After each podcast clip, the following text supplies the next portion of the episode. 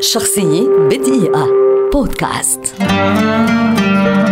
روبن ويليامز. ممثل وكوميدي أمريكي كبير ولد عام 1951 ويعد واحدا من أعظم المواهب التمثيلية التي عرفها العالم خاصة حين يتعلق الأمر بالقدرة على لعب أدوار التراجيديا والكوميديا بالجودة نفسها. بدأ مشواره المهني ككوميدي مسرحي في سان فرانسيسكو ولوس أنجلوس وبدأت شهرته بعد مسلسل Mork and Mindy الذي قدم منه أربعة مواسم بين عامي 1978 و 1982 1982 أما ظهوره الأول في السينما فكان في فيلم بوباي عام 1980 ومن ثم قام بدور البطولة في عدد من الأفلام التي لم تلقى نجاحا كبيرا إلى أن أدى دوره الشهير في الفيلم الرائع Good Morning Vietnam والذي ترشح عنه لجائزة الأوسكار. واستمرت بعد ذلك نجاحاته في أفلام Dead Poets Society و The Fisher King وقد ترشح عنهما أيضا لجائزة الأوسكار دون أن يحالفه الحظ. إلى أن أدى دور الطبيب النفسي في التحفة السينمائية Good Will Hunting عام 1997 وفاز عنه بجائزة الأوسكار كأفضل ممثل مساند. كما فاز بست جوائز جولدن جلوب وحصل على جائزة الإيمي مرتين وجائزة جرامي خمس مرات. ومن الأفلام الأخرى الرائعة التي قدمها ويليامز وعليك دون شك مشاهدتها نذكر Mrs. Doubtfire Patch Adams Awakenings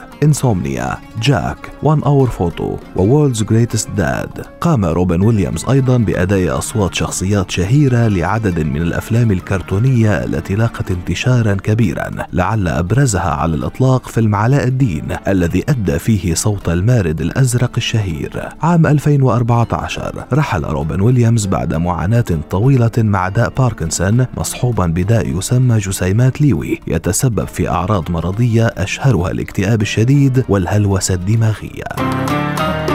شخصية بدقيقة. بودكاست.